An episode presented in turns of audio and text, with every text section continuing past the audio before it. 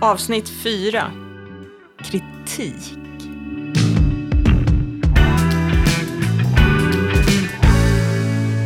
Yes, nu dyker vi in då i apokalypsens fyra ryttare.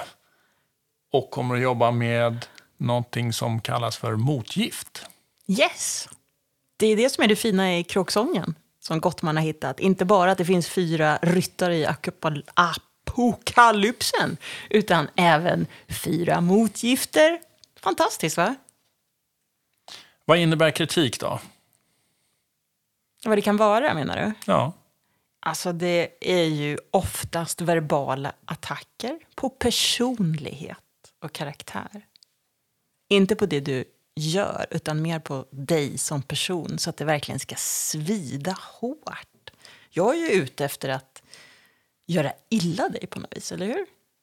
det här medvetna, det kommer vi se i eh, de andra ryttarna också, men det här medvetna, elaka, som kan tyckas väldigt märkligt i en kärleksrelation, men, men det dyker upp. Det är jättevanligt. Du har fula skor. Kan det vara kritik? Ja, det kan det väl vara. Då tänker jag att det säkert är återkommande också. Att det inte bara handlar om skor, utan det är också någonting mer. Det, veckan innan kanske var någonting annat och dagen innan dess kanske var någonting med håret. Och, och så handlar det om glasögonen eller någonting annat. Det kommer liksom som en ständig ström också av kritik kanske. Det blir nästan motsatsen till det vi sa i tidigare avsnitt, att många små saker ofta är en framgångsfaktor. Skulle kunna vara motsatsen också. Ja, många små kritiserande saker är ingen framgångsfaktor. Så det gäller att vara vaksam på dem som en varningssignal. Och vad gör man då när man märker den här varningssignalen? Vilken är motgiftet? Ska man vara arg tillbaks? Kan det vara något? Ja, fantastiskt. Där är lö- lösningen. Nej, verkligen inte.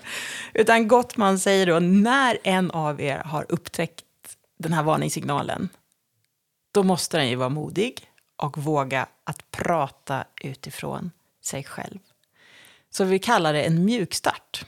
Övningen blir helt enkelt att inleda ett samtal tillsammans och prata utifrån dig själv, ett jag-perspektiv och om dina känslor. Så du pratar om hur du känner och vad du skulle vilja. Ett positivt önskemål. Och då handlar det om för dig själv, inte vad du vill att den andra ska byta skor. Kan du ge något bra exempel på en kritiserande situation?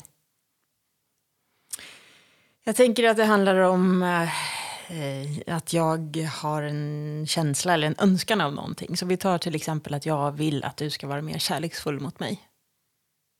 Och då kan jag välja hur jag uttrycker det. Och det skulle kunna uttryckas som kritik genom att jag skulle säga ah, du rör ju aldrig vid mig. Det skulle kännas ganska kritiskt. Eller vad säger du? Ja, det skulle ju nog inte leda till att jag rörde dig mer.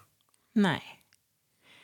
Så om jag skulle använda det här andra sättet, då, motgiftet, att använda en mjukare start, då skulle det betyda att jag har en medvetenhet om min, min önskan först, att jag vill att du ska vara mer kärleksfull mot mig, men sen också hur jag uttrycker mig i stunden. Till exempel som Åh, jag tyckte det var så mysigt när du kom fram igår när jag stod och lagade mat och gav mig en kram och en puss på halsen.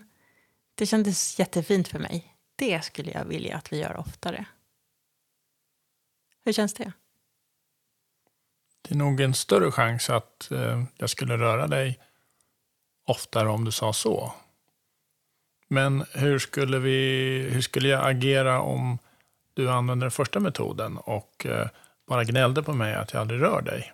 Hur skulle jag då som blir lite attackerad och kritiserad i det läget, hur, hur ska jag vända tillbaks den bollen? Dels för att du blir medveten om att du kritiserar och att jag eh, blir lite upprörd av det. Det är en utmaning som tar lite mer tid, det är bara en, en, mjuk, eh, en mjuk start. Det är någonting som gör att vi behöver ha en medvetenhet om det.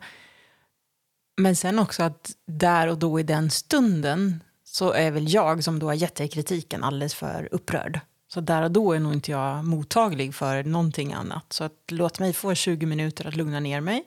Där du kanske egentligen inte alls försvarar eller gör någonting utan du bara låter det vara. Okej, du har hört det här och så pratar vi om det senare. Så en del av motgiftet är att ge det lite tid. Mm. Men det skulle kanske också kunna vara att eh, jag är tålmodig och frågar vad det är du vill egentligen. Jag hör att du är upprörd och eh, vill någonting. Kan du, eh, kan du vara tydligare med det? Skulle det kunna vara något? Att jag försöker på ett mjukt sätt vända tillbaka bollen istället för att bara bli förbannad och säga vadå, jag rör väl dig hur mycket jag vill. Och så nöjer jag mig där. Då kommer ju ingen av oss ha ju kommit fram någonting. Nej, du kan ju alltid pröva, tänker jag. För det går ju alltid att reparera. Det är det mästarna gör. Ja.